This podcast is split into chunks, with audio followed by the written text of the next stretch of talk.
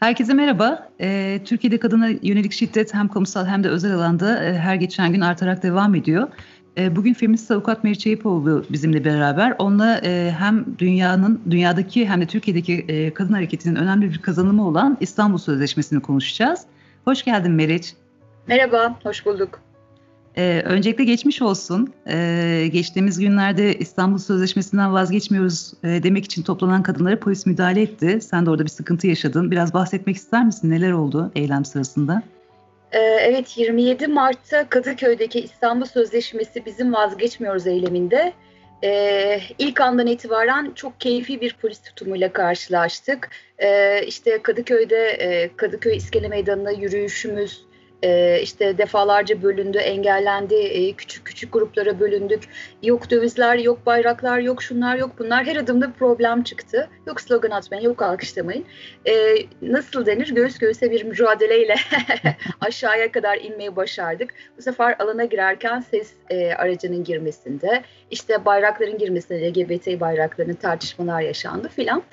Zaten bizi artık o kadar geldiler, o kadar geldiler ki o sürecin sonunda e, nihayetinde alana girerken de sorun çıkınca orada artık bir kıyamet koptu öyle söyleyeyim. E, ben de e, arkadaşlarım da o noktada olan çok sayıda kadında e, darpa maruz kaldık. E, taciz de vardı, ağır hakaretler, küfürler de vardı. E, ama e, şey diyorum işte dövüle dövüle e, o barikatı açtık tabiri caizse. Girdik içeri ve eylemi tamamladık. Çok da coşkulu bir eylem oldu. E, ama yani o noktada kararlı e, yani bizi tamamen dağıtmak ve eylemi dağıtmak için yapılan bir müdahaleydi. Fakat kadınlar e, ve LGBTİ'ler çok öfkeli ve çok kararlı olduğu için o kadar darpa rağmen dağıtamadılar. ama yani her seferinde bununla karşılaşmak istediğimiz, tercih ettiğimiz bir şey değil. biz bütün kadınların gelebileceği eylemler yapmak istiyoruz.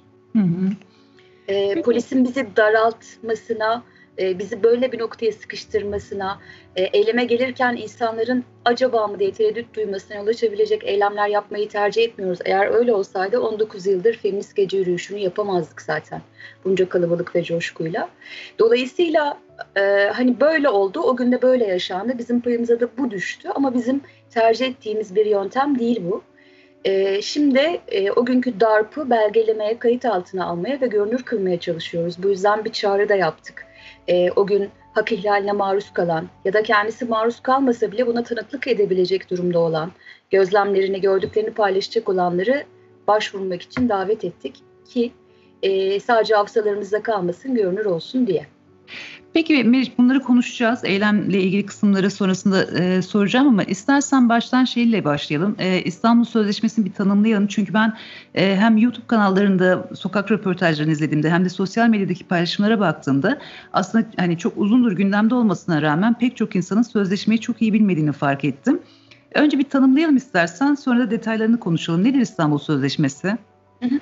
İstanbul Sözleşmesi tam adıyla söylersek kadına yönelik şiddet ve ev içi şiddetin önlenmesi ve bunlarla mücadeleye dair bir sözleşme. Avrupa Konseyi Sözleşmesi, Avrupa Konseyi'nin üye ülkelerin imzaladığı bir sözleşme, uluslararası bir sözleşme. İsminden de anlaşılacağı üzere erkek şiddetini e, yaşamın her alanında ev içi de dahil olmak üzere, kamusal alanda dahil olmak üzere önlemek ve buna mücadele etmeyi bir perspektif, bir prensip olarak benimsemiş bir sözleşme en özet ifadesiyle. Daha ayrıntılı söylersem de şöyle söyleyebilirim. Artık hepimiz biliyoruz. İçeriğini herkes bilmese bile aslında Türkiye'nin ilk imzalayan ve şerh düşmeden imzalayan ülke olduğunu sanırım herkes biliyordur. E, bununla o kadar çok övünüldü, e, o kadar çok propagandası yapıldı ki çünkü. Keza İstanbul'da imzaya açıldığı için aslında kısa isminin İstanbul Sözleşmesi olduğu da sanırım yine sözleşmeyle ilgili e, bilinen az şey şeyden biridir. Hani çok e, önemli kısımları bilinmiyor ama bu kısımları biliniyor kuvvetle muhtemel ki. Ee, İstanbul Sözleşmesi'ni bizim için kıymetli yapan e, erkek şiddeti konusunda bağlayıcılığa sahip ilk uluslararası belge olması. Öncelikle onu söyleyeyim. E, neyi anlatıyor? Aslında bizim perspektifimize yani feminist mücadelenin perspektifine çok yakın bir biçimde tanımlar getiriyor. E, erkek şiddetinin temelini tarihten gelen eşit olmayan güç ilişkileri olarak tarifliyor. E, yani e, kadına yönelik erkek şiddetinin kökeninde toplumsal cinsiyet vardır diyor. E, patriarka, erkek egemenliği, e, ataerki e, pek çok e, adlarla anıyoruz Türkiye'de. E, toplumsal cinsiyet eşitsizliği de bu sözleşmenin e, tariflediği, e, adlandırdığı, koyduğu isim. Ama sonuç olarak erkek şiddetinin tesadüf olmadığını, münferit olmadığını, aslında sistematik olduğunu ve bir toplumsal cinsiyet eşitsizliği adı verdiği sistemden kaynaklandığını söylüyor. E, bizim kullandığımız haliyle patriarkal sistemden kaynaklandığını söylüyor. Bunu söylemekle yetinmiyor. Bu şiddetle mücadelede ön koşul, temel unsur olarak kadın erkek eşitliğinin sağlanması gerekir diyor. Kadın erkek eşitliği sağlanmadan erkek şiddetini önleyemezsiniz, durduramazsınız, ortadan kaldıramazsınız diyor. Zaten şu anda kadar kurduğum cümleler sadece bunlar.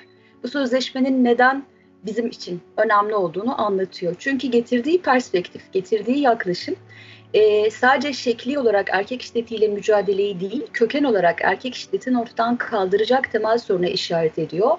Bu erkek şiddetinin kökeni kadın erkek eşitsizliğidir. Kadınların şey erkeklerin kadınları ve LGBT artıları ezmesidir. Bu ezme edilme ilişkisidir. Bundan doğar bu şiddet ve bunun bir aracı olarak e, erkek şiddeti vardır. Kadınları baskı altında tutmanın e, bir aracı olarak erkek şiddeti vardır. Dolayısıyla bu erkek şiddetiyle mücadele edeceksiniz. Bu eşitsizlikle patriarkayla erkek egemen sistemle mücadele edeceksiniz diyor. E bu da epey fevkalade bir yaklaşım. Dediğim gibi hani bizim e, önemli oranda e, feminizmden öğrendiklerimizi, biriktirdiklerimizi içeren bir sözleşme. E tabi böyle tarifleyince hükümeti e, niçin çıldırttığını e, da anlamak daha kolay oluyor herhalde. Kadınlarla erkeklerin eşit olmadığını e, bir e, e, şey, bir inanç, bir fikir e, olarak sürekli ifade eden bir siyasi iktidardan kadın erkek eşitliğini ön koşul olarak koyan bir sözleşmeyi sahip çıkmasını beklemek zaten belki fazla saf delilikti. Hı hı. Bunları da konuşacağız, ee, soracağım onlarla ilgili. Peki şimdi sözleşme hep konuşulurken kadınlar üzerinden konuşuluyor. Aslında sözleşme sadece kadınları kapsamıyor. E, kimleri kapsıyor? Biraz e, detaylı bahsedebilir misin? İstanbul Sözleşmesi e, LGBTİ artılardan e, açıkça söz etmiyor şu dolayımla söz ediyor. E, sözleşmenin kapsamını, koruma sağladığı hakları söylerken e, söylediğim gibi toplumsal cinsiyet eşitsizliğinin yanı sıra cinsel yönelim ve toplumsal cinsiyet kimliği nedeniyle ayrımcıya ayrımcılığa uğrayanlar da bu sözleşmenin koruması içindedir, kapsamı dahilindedir diyor. E, dolayısıyla cinsel yönelim toplum, e, to, e, cinsel toplumsal cinsiyet kimliği diyerek LGBTİ e, artıları e, sözleşmenin kapsamı içine dahil etmiş oluyor. Dolayısıyla bu sözleşmede LGBT artılar yok falan demek doğru değil. Hayır varlar. İyi ki de varlar zaten. Ee, yanı sıra e, temel koruma kapsamında kadınlar ve LGBT artılar var. Ama bu sözleşme erkek şiddetiyle mücadele sözleşmesi olduğu için çocuklar e, cinsel istismar e, yani erkek şiddetiyle ilgili e, uğradıkları hak ihlalleri anlamında bu sözleşmenin kapsamındalar. Keza e, göçmen, sığınmacı, mülteci kadınlar o ülke, imzacı ülkenin vatandaşı olup olmaksızın, kayıtlı olup olmaksızın e, hangi statüde olursa olsun kaçak vesaire erkek şiddetine maruz kaldıkları zaman yine bu sözleşmenin koruması ve kapsamı altındalar. Biz bu kısmını da çok konuşamıyoruz, bu kısmına gelemiyoruz ama bu yönüyle de aslında önemli e, bir içeriğe sahip. Tabii ki şöyle örnekler bilmiyoruz. Aslında kaçak olan e, herhangi bir kaydı olmayan bir kadın erkek şiddetine maruz kaldığında Türkiye'de ya da imzacı diğer ülkelerde e, işte karakolun adliyenin kapısını çalar ve İstanbul Sözleşmesi'nden söz ederse e, ona kimse dikkate alır mı bunu bilmiyoruz. Bunu e, deneyimlemedik ama aslında sözleşme bir perspektif olarak e, kayıt, e, vatandaşlık, e, herhangi bir evrak, belge e, şart olmaksızın sözleşmenin kapsamındadır bu kadınlar ve LGBT artılar diyor. Bu da kıymetli bir düzenleme. Peki şimdi mesela şiddet denilince genelde insanların aklına ilk gelen şey fiziki şiddet oluyor ya. Halbuki şiddetin pek çok boyutu var. İşte kadın sünneti, kürtaja zorlanma, e, istemediği biriyle evlendirilme, evliliğe zorlanma, cinsel şiddet, taciz, tecavüz gibi, ekonomik şiddet, psikolojik şiddet gibi. Sözleşmede şiddet nasıl tanımlanıyor? Olabildiğince geniş bir yelpazede e, şiddet türleri tanımlanıyor. E, fiziksel, psikolojik, cinsel, ekonomik şiddetin e, akla gelebilecek her türü var. Psikolojik şiddet e, bizim de üzerine çok konuştuğumuz, Türkiye'de çok az bulabildiğimiz bir şiddet.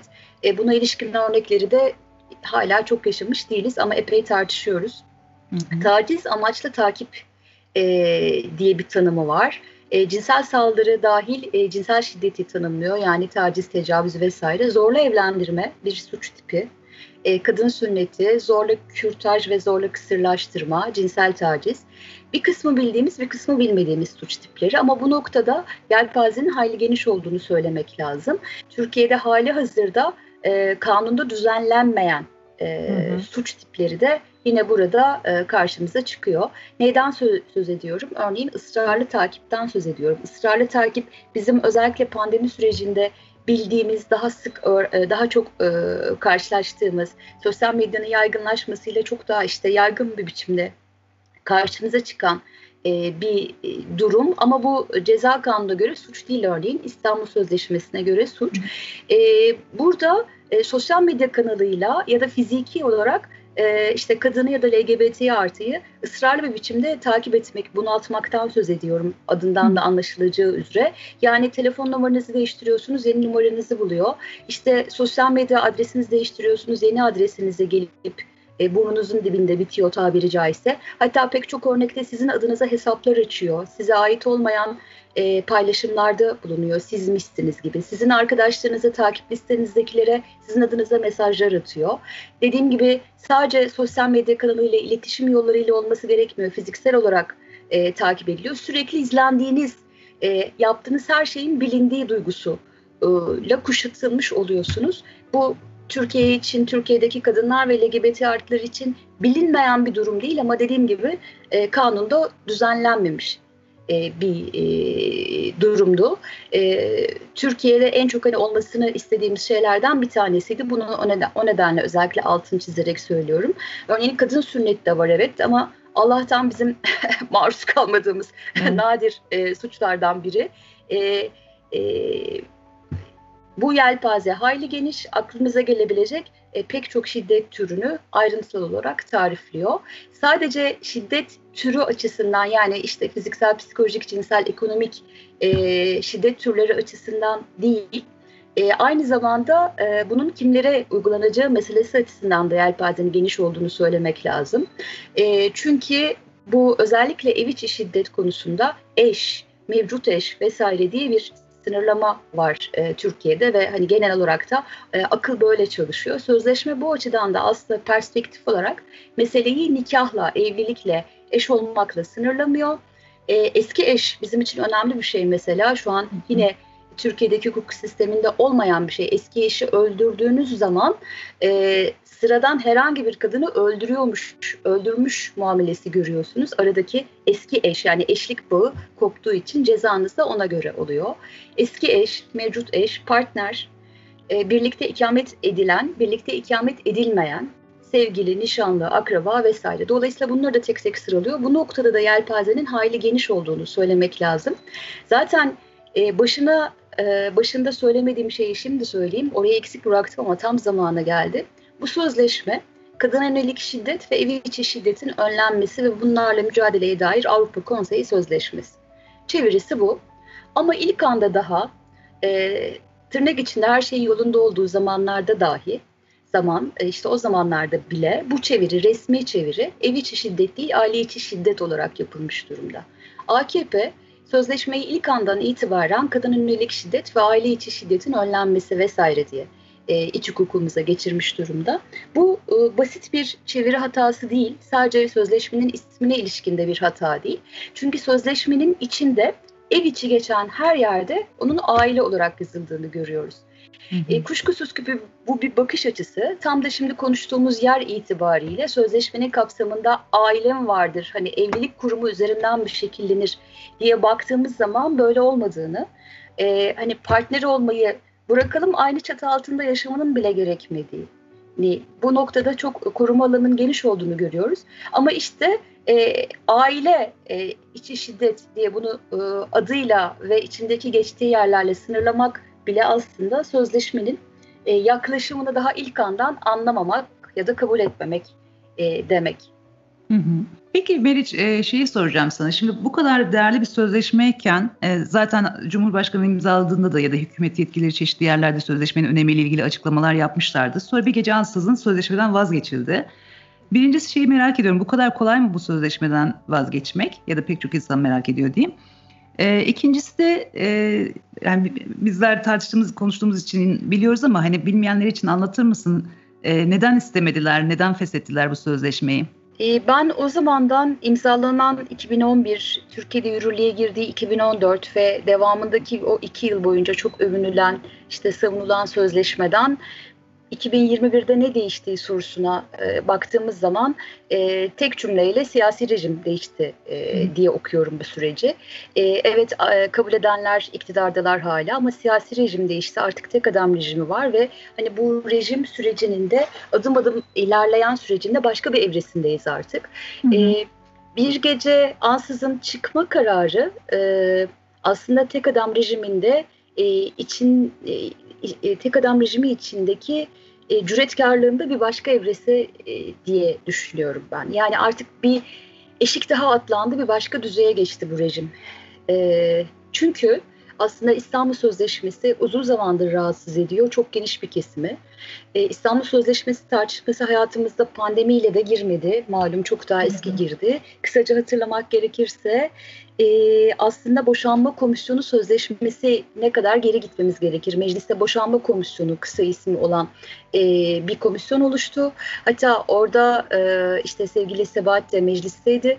E, bu boşanma komisyonu e, sonrasında bir rapor çıktı. Çok ayrıntılı 400 küsur sayfalı bir rapordu. E, ve e, beğenebileceğimiz neredeyse tek cümlesi yoktu.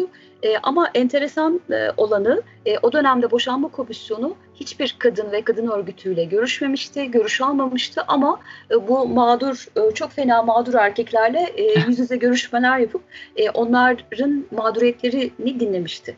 E, sonuç olarak raporda da aslında o tarihlerde e, boşanma sayıları çok düşük olduğu halde boşanmanın çok arttığı, kutsal ailenin zarar gördüğü çıkarmayla bitiyordu ve buna ilişkin de yol haritası öneriyordu.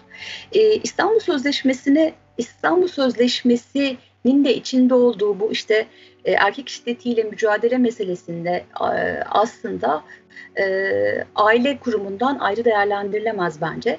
Çünkü e, yine iki yıl önce nafaka hakkına yönelik başlayan saldırı da hani adım adım daha görünür olan ve büyüyen saldırı da e, yine işte aynı mağdur erkeklerin öznesi e, olarak başladığı saldırıydı. Bu mağdur erkekler e, nafaka mağdurları e, işte e, çocukları verilmeyen e, babalar, mağdur e, babalar vesaire isimleriyle örgütlendiler. Hani çeşit çeşit dernekler, platformlar kurdular vesaire ve başlangıçta aslında mesele e, sürekli olarak, e, süresiz olarak e, nafaka ödemekten kaynaklanan maddi bir mağduriyetmiş gibi anlaşıldı. Böyle haberler çıktı. Oysa o bu e, ortaya çıkış, e, o dönemki talepler ne söyledikleri de dönüp şöyle bakıldığı zaman e, yine ailenin karşımıza çıktığını görüyoruz. Kadınlar nafaka aldıkları için boşanıyorlar. Nafaka almasalar boşanamazlar. Çünkü çocuklarına bakamazlar, kendilerine hayat kuramazlar. Temel iddiaları bu. E, ortaya çıkış nedenleri de aileyi korumak. Daha o dönemde bunlara destek veren, e, bunları sürekli olarak haber yapan, e, Akit'ten işte e, Yeni Şafağı'na, Milli Gazetesi'ne vesaireye kadar hepsinde e, daha o zamanlarda İstanbul Sözleşmesi ve 6284'ün hedef alındığını, bununla ilgili işte onlarca yüzlerce haber yapıldığını, manşet olduğunu, Morşatı'ya ilişkin pek çok şey olduğunu da hatırlarız. Fakat e, neydi e, son saldırıdan farkı? Siyasi iktidar düzeyinde e, demeçlerle desteklenmiyordu. Bu e, başlangıçta bir grup meczup diye başlayan ve giderek yayılan e, işte e, büyük bir e, karşımızda oluşan büyük bir cephenin e, tartıştığı bir konuydu. E, ama siyasi iktidar düzeyinde e, bir karşılığı yoktu. Dolayısıyla tartışma bu sınırda yürüyordu. Üstelik de sanılanın aksine mesele AKP ve MHP ile sınırlı değil onları çok aşan bir e, mutabakata sahip. E, BBP'sinden Saadet Partisi'ne Hüdapar'ına kadar çok büyük bir e, karşı cephe olduğunu da görmek lazım. E, o dönemde yine bu işte aileyi koruyan filan falan derneklerinin başkanları kanalıyla e, öğrenmiştik ki e, Recep Tayyip Erdoğan İstanbul Sözleşmesi'nden çıkılabilir nas değil demiş. Ama bu kendisinden doğrudan işittiğimiz bir söz değildi. Basına kapalı bir AKP toplantısında e, söylendiği rivayet edilen bir sözdü. E, bunun ötesinde ne geleceğini, sürecin nasıl ilerleyeceğini e, öngörmek çok mümkün değildi. Sonra ne oldu? Pandemi zamanına geldik. E, Diyanet İşleri Başkanı e, pandeminin gerekçesi olarak ailenin zarar görmesi, ailenin yıkılması ve LGBT artı evliliklerini söyledi. Bu nedenle dünyada salgın çıktı dedi. Gerçekten her açıklaması birbirinden beter bir adam. Bunun üzerine hatırlarız Ankara Barosu e, ilk elden zehir zemberek bir açıklama yaptı. Çok da iyi yaptı ama arkasından da çoklu baro yasası çıktı ve barolarla ilgili işte yani siyasi iktidarı bu kadar sinirlendirdi. E, hemen arkasından Numan Kurtulmuş'un e, işte e, siyasi iktidarı temsilen üst düzey bir yöneticinin İstanbul Sözleşmesi ile ilgili açıklaması geldi. İstanbul Sözleşmesi o düzeyde tartışmaya e, işte geçen yıl yaz aylarına işte yansıyan şekilde tartışmaya böyle başlamış oldu tekrar. O yüzden de herkesin zihninde daha eskisi yok. Sanki hani ilk kez o zaman tartışılmaya başlandı gibi de hatırlanabiliyor. Oysa hayır bizim hayatımızda son e, birkaç yıldır İstanbul Sözleşmesi tartışması var aslında. Dediğim gibi e, nafakanın e, nafaka tartışmasının özünde olan şeyi İstanbul Sözleşmesi ve 6284 tartışmasında da görüyoruz. Nedir? E, şimdi o e, siyasi iktidarın bütün bir yaz boyunca yaptığı açıklamalara bakınca da şimdi çıkma gerekçesi olarak yaptıkları açıklamalara da Avrupa Konseyi'ne vesaire e, işte bildir, bildirimlere de baktığımız zaman yine iki temel meseleyi görüyoruz. Bir tanesi LGBT artı e, olmak özendiriliyor. LGBT evlilikler özendiriliyor. E, aile kurumu zarar görüyor. Yine aynı fısıl. E, ortak yanı bu. E, yani LGBT artılara yönelik bu düşmanlığın, bu korkunç saldırının e, temelinde de yine aile var aslında. Kutsal aile zarar görüyor. Oysa biliyoruz ki Türkiye'de bununla ilgili çok sağlıklı sonuçlara sahip değiliz ama Birleşmiş Milletler'in çalışmalarından biliyoruz ki örneğin Mor Çatı'nın erkek şiddetine ilişkin yıllardır başvuru alan kadın örgüt örgütlerinin raporlarından biliyoruz ki aslında erkek şiddeti öncelikli olarak yakınlarımızdan geliyor. Sadece Türkiye'de değil işte Birleşmiş Milletler raporundan da hani oraya tekrar atıf yapayım. Bildiğimiz üzere dünyanın her yerinde erkek şiddeti önce yakınlarımızdan geliyor. Kocalardan, babalardan, sevgililerden vesaire uzağımızdan değil. Yani bize sürekli dönüp dönüp anlatılan bu kutsal aile masalı aslında bizim erkek şiddetine öncelikle maruz kaldığımız yer. O kutsal ailenin içinde dayak var, tecavüz var, ölüm var. E, dolayısıyla kutsal aileyi korumak için aslında vazgeçtikleri şey de bizim hayatlarımız en özet ifadesiyle. O yüzden de e, AKP'nin kendi politik çizgisine bakınca hani bizim daha 2000'li yılların başında e, aile değil kadınız e, sloganlarımızdan işte feminist gece yürüyüşündeki pankartlarımızdan da malum olduğu üzere AKP'nin kendi içindeki siyasi yolculuğa bakınca aslında aileyi her zaman bizim önümüze koyduğu çok açıktı. Öyle bakınca tutarlı bu gidişat.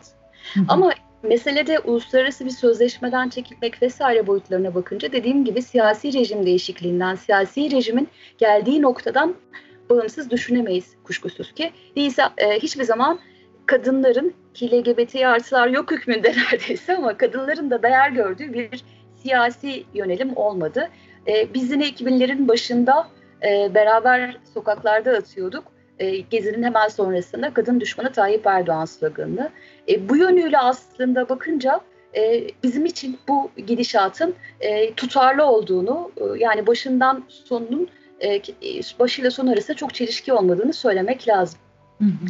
Aslında bizim çok beklemediğimiz bir şeydi değildi sözleşmenin feshedilmesi hı. ama bu kadar aynı olması belki bizleri şaşırttı diyeyim. Şunu beklemiyordum sadece onu söyleyebilirim e, HDP'nin kapatılma davasının gündemde olduğu, Ömer Faruk Gergerlioğlu'nun işte vekilliğinin kaldırıldığı, Kürt sorununun gündemde olduğu bir atmosferde e, İstanbul Sözleşmesi'ne ilişkin bu kadar hani büyük gürültü e, kopmuş vakti zamanında. Sonrasında işte e, kademle anlaşıldığı kadarıyla bir geçici mutabakat sağlanmış ve erkek egemen değil aile egemen bir toplumuz diye yeni bir kavram fırlatmış ortaya Recep Tayyip Erdoğan. Meselenin üstü e, kısmen örtülmüş. Böyle bir durumdayız. Hani bunlar İstanbul Sözleşmesi'nden çıkarsa da çok tabiri caizse köpürte köpürte, göstere göstere hani alkış kıyamet eşliğinde çıkar gibi geliyordu bize. Hani bir gece ansızın değil, ne bileyim işte memlekette başka bir politik gündem, politik e, tartışma varken değil. Şaşırtıcı kısmı oydu. Hani bir gece sessiz sedasız çıkılması açıkçası. Eee ama bunun da e, şu, şu anlama geldiğini düşünüyorum. E, bu da bir mesaj, e, kötü bir mesaj. E, çok değersizsiniz, çok kıymetsizsiniz, yoksunuz, sözünüz yok. Aylarca kampanya yapmış kadın örgütleri İstanbul Sözleşmesi ile ilgili. Hani o kadar e, yok hükmündesiniz ki e, ben böyle bir gece ansızın canım isterse bir imzayla çıkarırım diyor. E, bunun da e, hem bize hem de faillere erkeklere mesaj olduğunu düşünüyorum. Nitekim hep beraber ne gördük? E, bu mesaj alınmış. E, bir gün içinde altı kadın cinayeti haberiyle hepimiz sarsıldık. Evet. E, zaten cezasızlık e, politikaları e, Egemen de bunu çok eleştiriyorduk. E, şimdi İstanbul Sözleşmesi'nin dereden çıkmasıyla fail erkekleri de e, hiç çekinmeyin, hiç korkmayın e, mesajı e, ilk elden, ilk ağızdan verilmiş oldu ve mesajı almışlar maalesef. Durum bunu gösteriyor. Sözleşmeden çekiliyorum demek bu kadar kolay bir şey mi? Yani karar verdi ve çekildi. Bu kadar kolay mı? Yani, Kendisi diyor ya bal gibi de kolay diye. Gerçekten bal gibi kolay mı? yani iç hukuk açısından bakınca e, önce hukuki kısmı açısından söyleyeyim. E, hayır değil. E, yani anayasaya açık an, anayasaya aykırılık var. E, mevcut hukuki düzenlemeler açısından dahi bunu yapamaz e, kararnameyle kendisine bu yetkinin veriliği olması e, anayasa açısından değerlendirilince haklı kılmıyor bu işlemi. Özellikle 104. madde var. Bu yüzden de zaten İstanbul Sözleşmesi'nin yürürlükte olduğu, bu e, fesih kararının yok hükmünde olduğu malum tartışılıyor. E, ama ben meselenin hukuki tartışmaya e, la sınırlanamayacak kadar büyük olduğunu düşünenlerdenim. Bu yüzden anayasanın hangi maddesine aykırı olduğunu da çok bir önemi yok gelinen noktada. Biz politik bir saldırıyla karşı karşıyayız.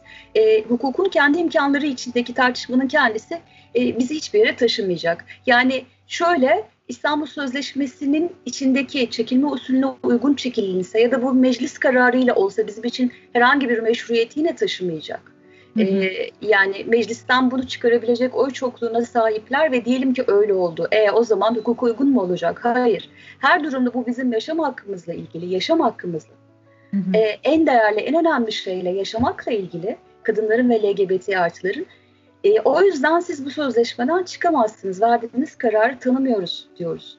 Hı hı. E, uluslararası arenada da ben e, bir uluslararası sözleşmeden çekilmenin e, hiç az bir şey olmadığını düşünüyorum. O yüzden de zaten e, bu tek kadem rejiminde çok şey gördük. Her gün pek çok hak ihlaline tanıklık ederek bugünlere geldik.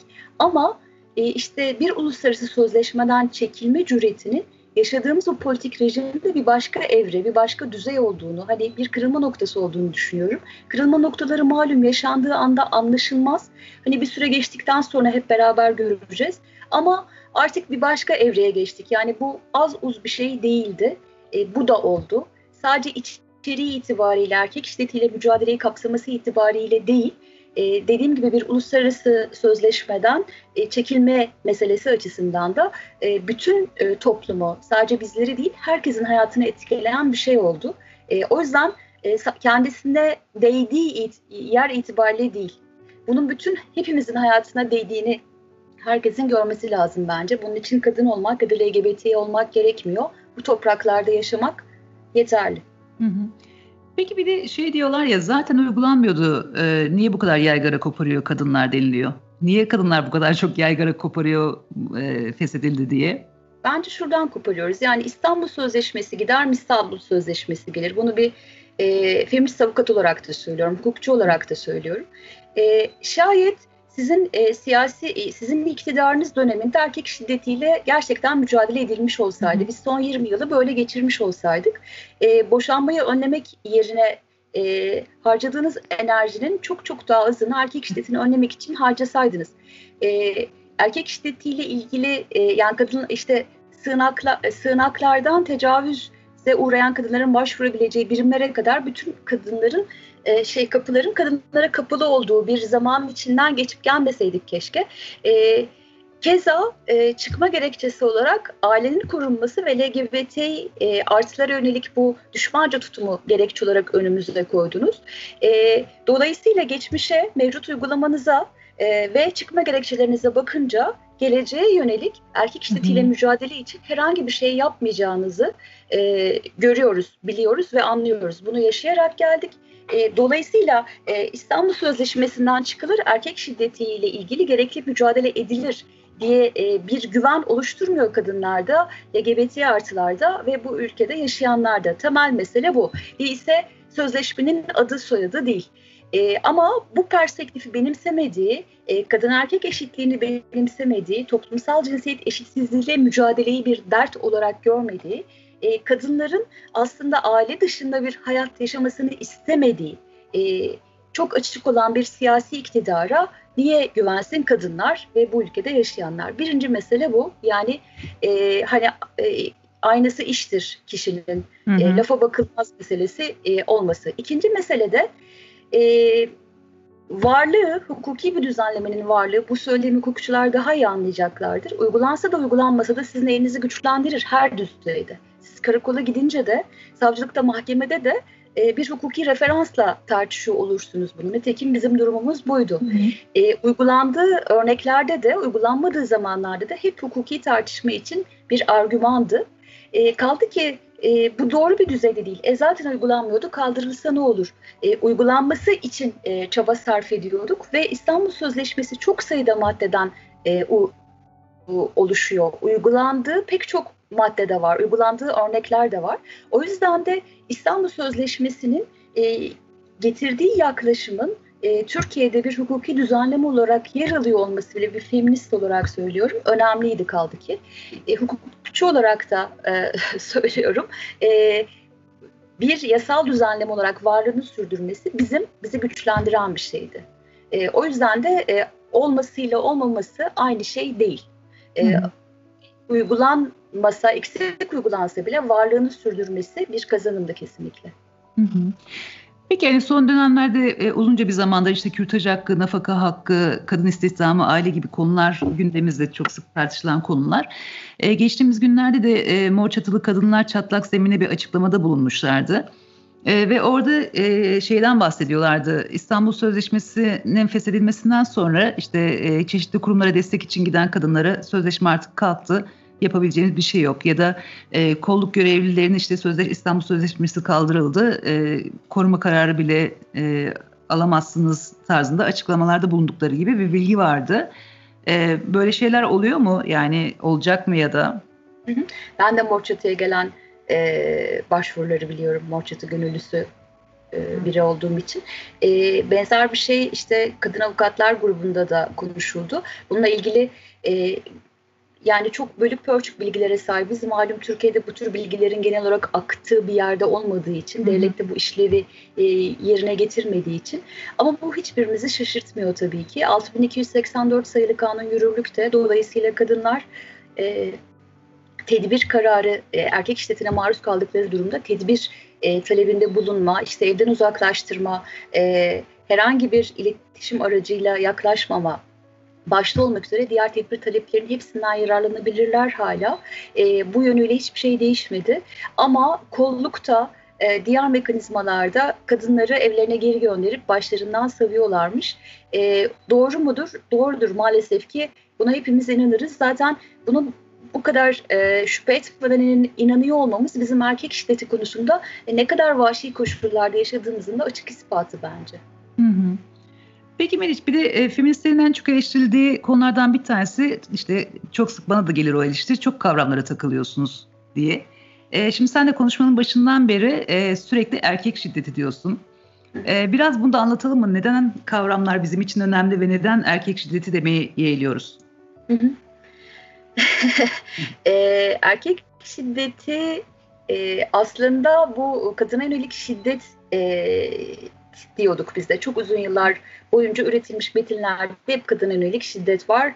E, 2007 yılında dayağa karşı yürüyüşün e, 30. yılı nedeniyle e, eylem yapma kararı aldık. Morçat'ta toplantılar sürüyor. Feministler olarak toplanıyoruz. Dayağa karşı yürüyüşte malum 87'de e, askeri darbe sonrasında yapılmış ilk sokak eylemi. Üstelik de dayağa karşı yürüyüş e, kadın eylemi. Kadınların yaptığı işte e, feministlerin e, öncülüğünde diyeyim tabiri caizse çağrısıyla yaptığı e, kadın mitingi e, ve özel alana ait olan, eve ait olan e, dayak gibi bir konuyu gündemleştiriyor. Bu yönüyle malum bizim tarihimiz, feminist tarih açısından da çok önemlidir. Onun 30. yılını da iade edeceğiz tabiri caizse. Orada hı hı. tartışıyoruz.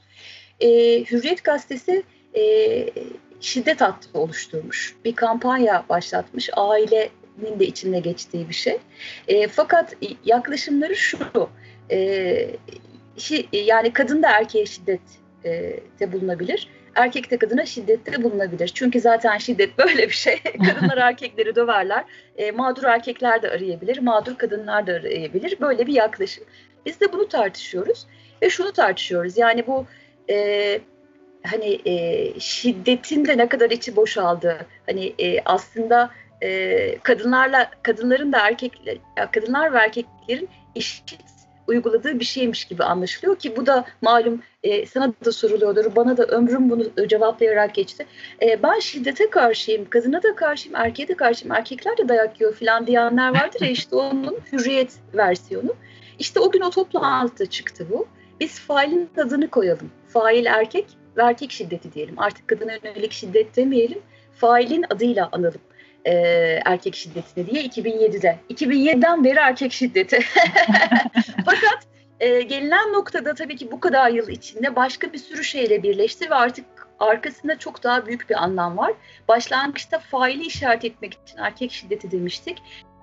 Bugün 2021'de erkek şiddeti nedir? Erkek şiddeti sadece faili işaret etmiyor ki o zaman bilmiyorduk, az biliyorduk LGBT'ye artı e, hareket güçlendikçe biz de pek çok şey öğrendik ki hala da tabii ki çok eksiğimiz var öğrenmeye devam ediyoruz. Feminist hareket olarak e, zaten iç içe birlikte yol yürüyoruz. Ama erkek şiddetinin sadece e, kadınlar açısından değil LGBT artılar açısından da doğru bir ifade olduğunda tartışıyoruz. Onu söyleyeyim. Yani erkek deyince LGBT artılar deniyor. Hayır. Erkekler LGBT artılara ve kadınlara şiddet uyguluyor. Dolayısıyla failin adı hala erkek. Evet. E, maruz kalanların yelpazesi elbette ki artık sadece kadınlar değil. Bunu biliyoruz. E, ama uygulayan erkek.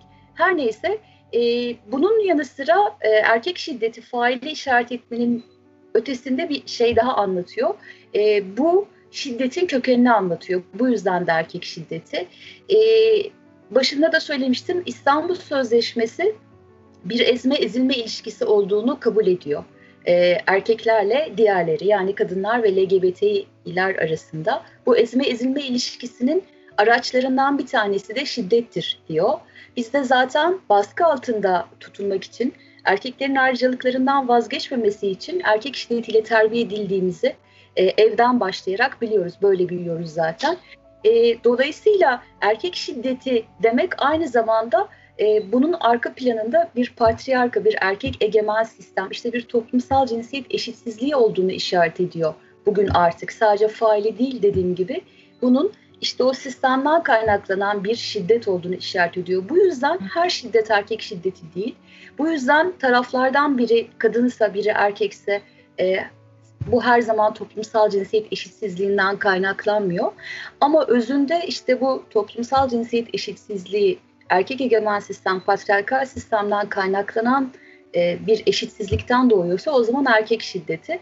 O yüzden de bu kadar kocaman bir şeyi e, kadına yönelik şiddet anlatmıyor diye ben erkek şiddetini kullanıyorum. E, epey de yerleşti Türkiye'de. Herkes e, içeriğini böyle tanımlamaz belki ama e, dil olarak, kullanım olarak yerleşti epey. Peki hazır erkeklerden konuşuyorken gene çok eleştirildiğimiz konulardan bir tanesi eylemleri erkekleri neden almıyorsunuz hani biz bunu anlatmaktan çok bıktık ama belki yine birilerinin kulağına e, gider. Niye almıyoruz erkeklere eylemleri? Şimdi İstanbul Sözleşmesi ile de ilgili eylemler, kadınlar eylemler organize ediyorlar. Oralarda da erkekleri istemiyoruz.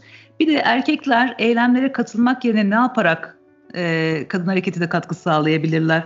Böyle kısaca biraz bahsedelim mi?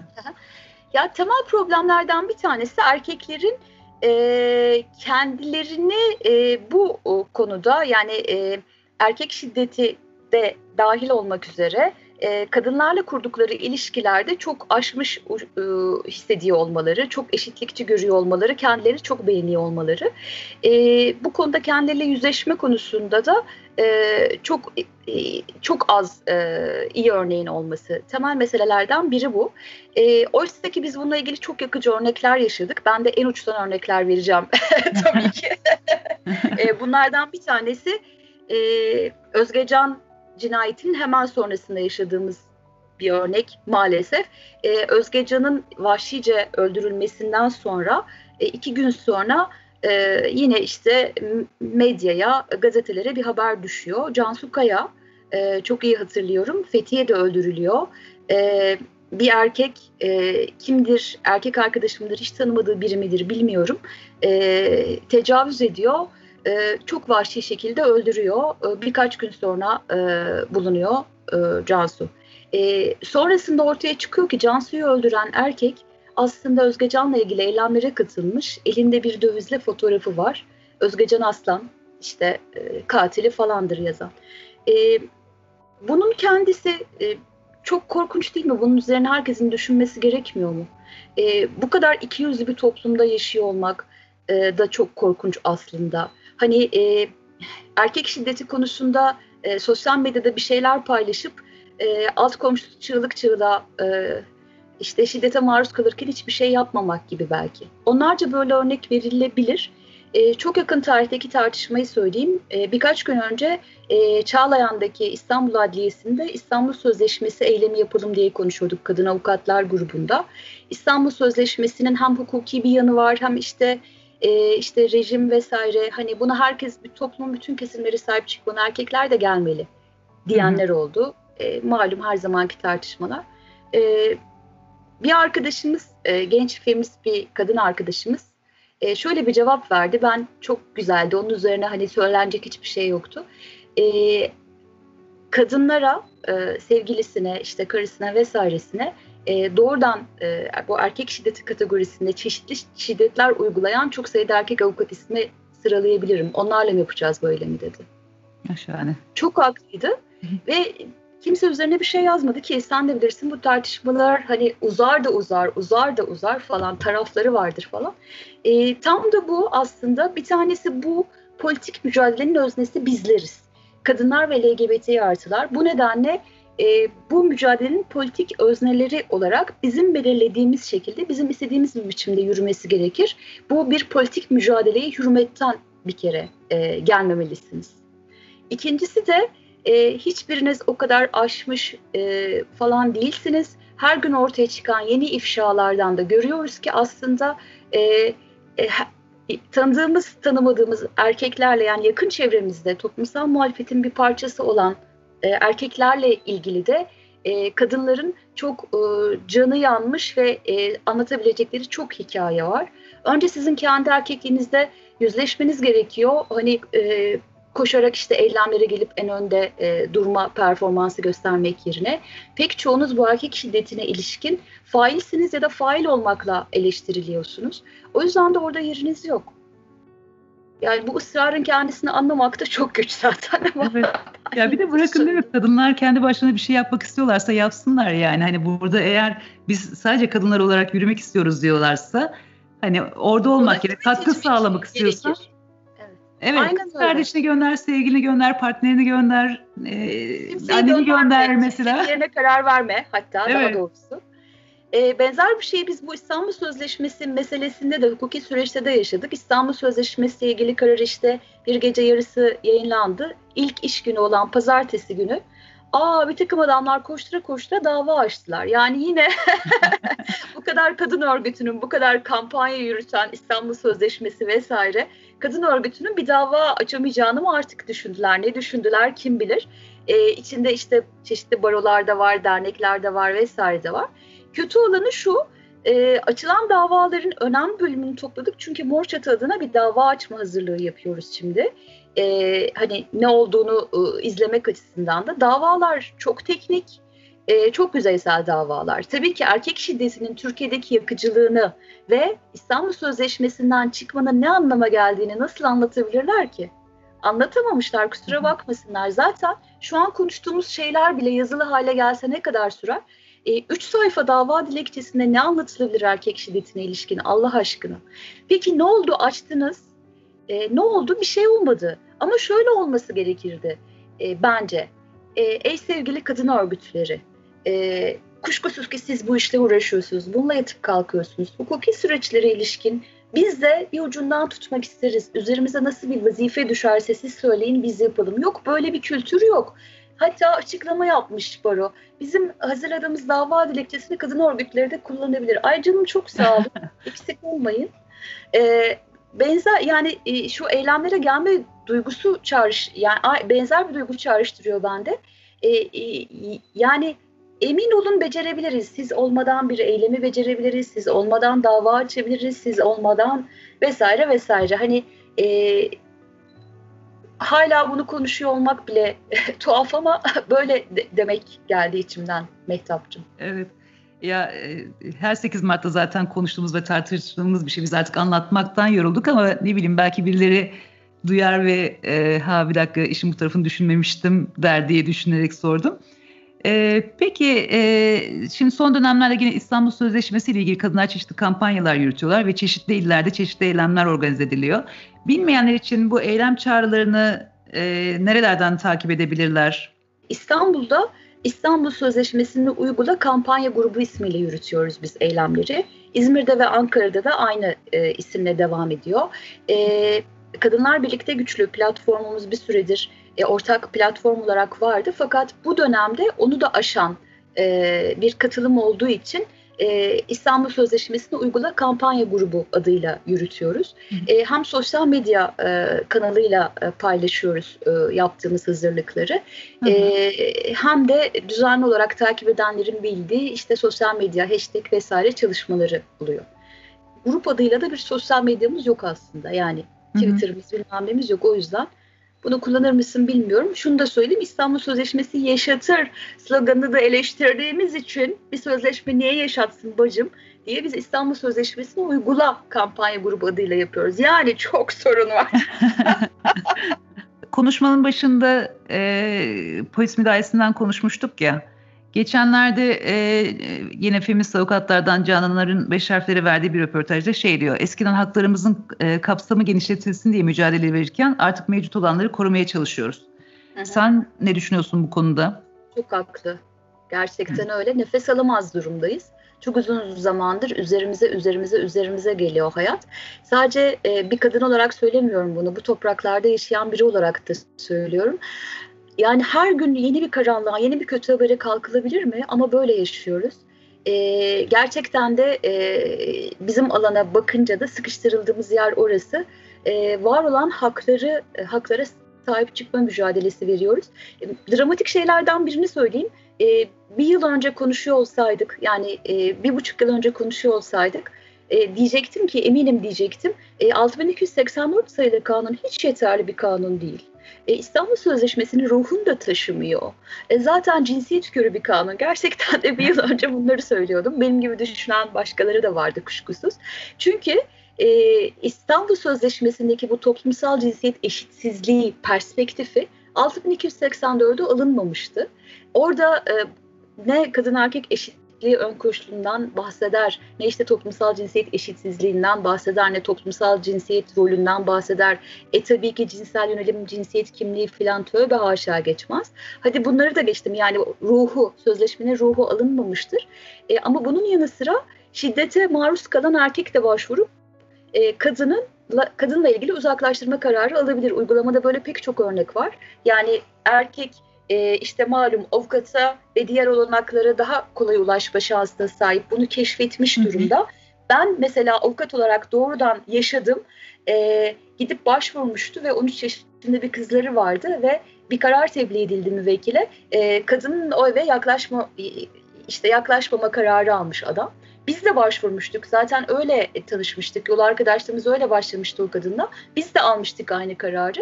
Ve o eve iki tarafında yaklaşmaması gibi bir karara yol açmıştı 6284. İşte ben bu örneği anlatıp 6284'ün nasıl cinsiyet körü olduğunu, erkeklerin kadınlara, kadınların erkeklere şiddet uygulayabileceği ön kabulüyle hareket ettiğini, bunun da doğru olmadığını filan anlatıyordum. Ama düşünsene şimdi gelinen noktada 6284 çok kıymetli bir kanun. yani durumumuz bu aslında. Ee, yani şeyle nasıl denir? Ee, 6284'ü kucaklayıp bırakmama e, haline geldik. Benim gibi hani beğenmeyen burun kıvıranlar açısından bile. O zaman son bir soru sorayım sana. Feministler pek çok dava takibi de yapıyorlar. Ee, bunlardan birisi Nevin'di. Nevin biliyorsun bilmeyen için e, kısaca hikayesinden bahsedelim. Isparta'nın Yalvaç ilçesinde sistematik olarak tecavüze uğruyordu. Ee, ve bu durum tüm köy tarafından bilinse de kimse e, müdahale etmedi, destek olmadı ve Nevin kendi hayatını korumak için adamı öldürmek zorunda kaldı. Nevin'i herhangi bir şekilde haksız tahrik indirimi, e, İHA indirimi uygulanmadı. Fakat Öte yandan başka bir kadını öldüren e, bir adama tutku derecesinde sevmek nedeniyle, aşırı sevgi nedeniyle e, cinayeti işledi e, diyerek indirim uygulandı. Haliyle feministlerin e, davaları takip etmesinin çok değerli olduğunu düşünüyorum. E, sen bu konuya nasıl bakıyorsun?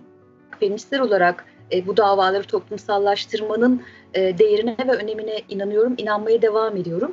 E, hala işte e, davaları Mesela yakın tarihte Hülya Halaçkay davasını takip ettik. Kendi hayatını savunan bir kadın, e, Nevin gibi kendi hayatını savunmak zorunda kalan bir kadın Yasemin Çekal gibi. E, onu da yine feministler olarak pandemi koşullarında tüm zorluklara rağmen birlikte yürüttük.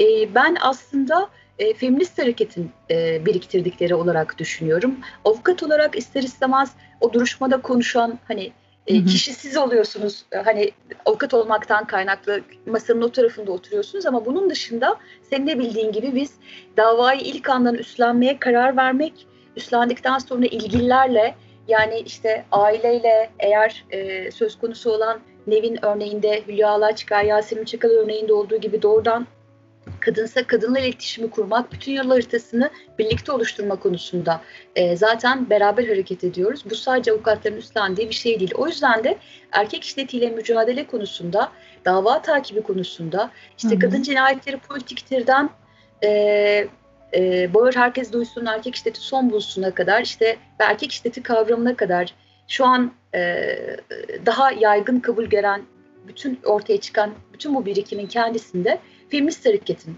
e, ne kadarsa o kadar başarısı yol arka yani pek çok yol arkadaşımla beraber yürüdük e, ve yürümeye devam ediyoruz. Ben feminist dava takibinin de böyle olması gerektiğini düşünüyorum. Oysa benim gözlemim e, artık e, bu zorlu kalabalık ve zorlu yolculuk yerine e, e, yani kendini feminist olarak tanımlamanın yeterli görüldüğü e, dur tam söyleyeceğim. Şöyle e, kendine feminist diyen avukatlar davayı takip ederse feminist avukatlar dava takip etmiş ve dava feminist olmuş gibi sanılıyor. Yok. Bizim feminist dava takibimiz o değil. E, bu yolculuğu bir bütün olarak feministler olarak beraber e, götürmek.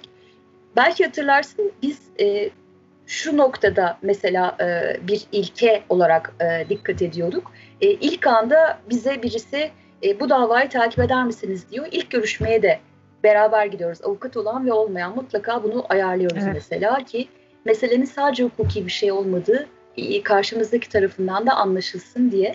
Bunu oluşturmak çok kolay değil çünkü zorlu, kalabalıkla hareket etmek zorlu. Ben tabii ki bir avukat olarak tek başıma çok daha hızlı hareket ederim. Bu yüzden bunu biliyorum. Hani diğerinin daha kolay olduğunu biliyorum.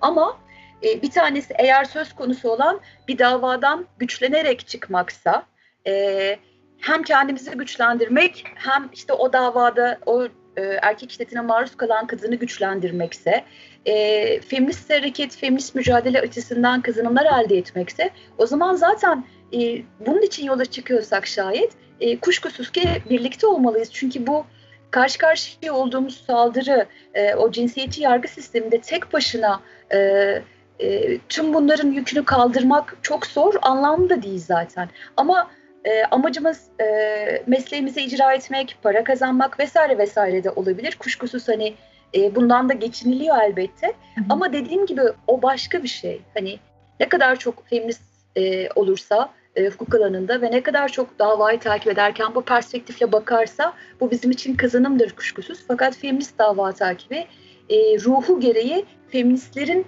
en başından itibaren işin içinde olmasını ve işin öznesi olmasını yani kalabalık yapan, duruşmayı izlemeye gelen değil, işin öznesi olmasını gerekli kılar.